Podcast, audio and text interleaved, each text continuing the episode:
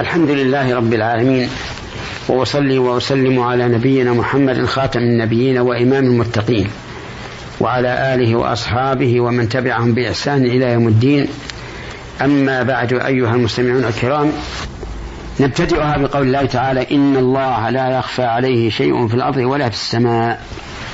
هذه جملة مؤكدة بان يؤكد الله عز وجل أنه لا يخفى عليه شيء أي شيء. سواء في الماضي أو المستقبل أو الحاضر وسواء كان عظيما أو هينا. أي شيء في الأرض ولا في السماء. وذلك لكمال إحاطته عز وجل بالخلق علما.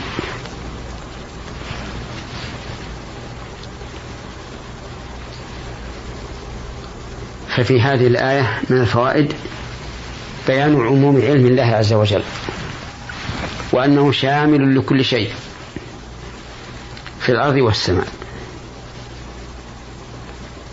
ومن الفوائد التحذير من المخالفة مخالفة أمر الله إما بالتهاون بالواجبات أو بانتهاك المحرمات. لأن الإنسان متى علم أن الله لا يخفى عليه شيء في الأرض ولا في الأرض ولا في السماء فإنه لن يجرؤ على المخالفة. ومن فوائد هذه الآية الكريمة بلاغة القرآن الكريم حيث بدأ بالأرض هنا قبل السماء. لأنه قد يظن ظان أن كون الله تعالى لا يخفى عليه شيء في السماء ظاهر. لكن إذا كان في الأرض فقد يتوهم واهم أن الله يخفى عليه. والأمر على حد سواء بالنسبة لله عز وجل. فإن الله لا يخفى عليه شيء في الأرض ولا في السماء. فالمسموع مسموع له والمبصر مبصر مبصر له جل وعلا. هو الذي يصوركم في الأرحام كيف يشاء. لا إله إلا هو العزيز الحكيم. هو الذي يصوركم أي يجعلكم على صورة معينة. في الأرحام جمع رحم وهو وعاء الجنين. كيف يشاء أي على الوجه الذي يشاءه عز وجل. ما بين جميل وذميم وأسود وأبيض وطويل وقصير وصحيح وسقيم. هو يصور ما في الأرحام كيف يشاء. لا إله إلا هو أي لا معبود حق إلا هو. سبحانه وتعالى العزيز الحكيم أي ذو العزة والحكمة. فيستفاد من هذه من, هذه الآية الكريمة عموم علم الله عز وجل حيث يعلم ما في الأرحام ويصور ما في الأرحام كيف يشاء. ومن فوائد الآية الكريمة أن أمر التصوير إلى الله عز وجل ليس باختيار الأب ولا باختيار الأم أن يكون طفلهما على ما يريدان من, من, من جمال ودلال. بل هو إلى الله عز وجل. ومن فوائدها أنه يحرم على الإنسان أن يعير الشخص بصورته.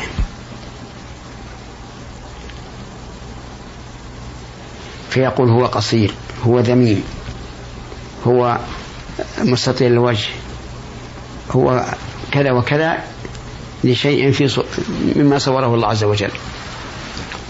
لأن عيب الصورة لأن عيب الصورة في الحقيقة عيب للمصور.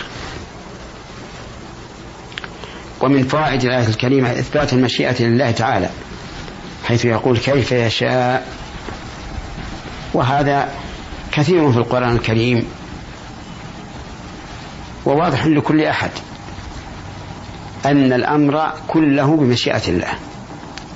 حتى أفعالنا نحن التي تصدر بإراداتنا لم تكن إلا بمشيئة الله. قال الله عز وجل لمن شاء منكم أن يستقيم وما تشاءون إلا أن يشاء الله رب العالمين. ومن فوائد الآية الكريمة أهمية توحيد الألوهية حيث يكرر الله تعالى ذلك في مواطن كثيرة. ففي أول السورة الله لا إله إلا هو. وفي هذه الآية لا إله إلا هو. أي لا معبود حق إلا الله. فكل المعبودات من دون الله فهي باطل. لأنها لا تستحق أن تعبد. ومن فوائد الآية الكريمة إثبات هذين الاسمين الكريمين العزيز والحكيم. فالعزيز معناه ذو العزة والعزة هي الغلبة. فهو غالب لا يغلب وقاهر لا يقهر جل وعلا. الحكيم يعني آه، ذا الحكمة وذا الحكم. فالله تبارك وتعالى له الحكم المطلق الكوني والشرعي وله الحكمة البالغة فيما قضاه وقدره. وفيما حكم به عز وجل. ففي الآية الكريمة فوائد منها أن التصوير في الأرحام لا يكون إلا لله عز وجل فهو خالق الصور.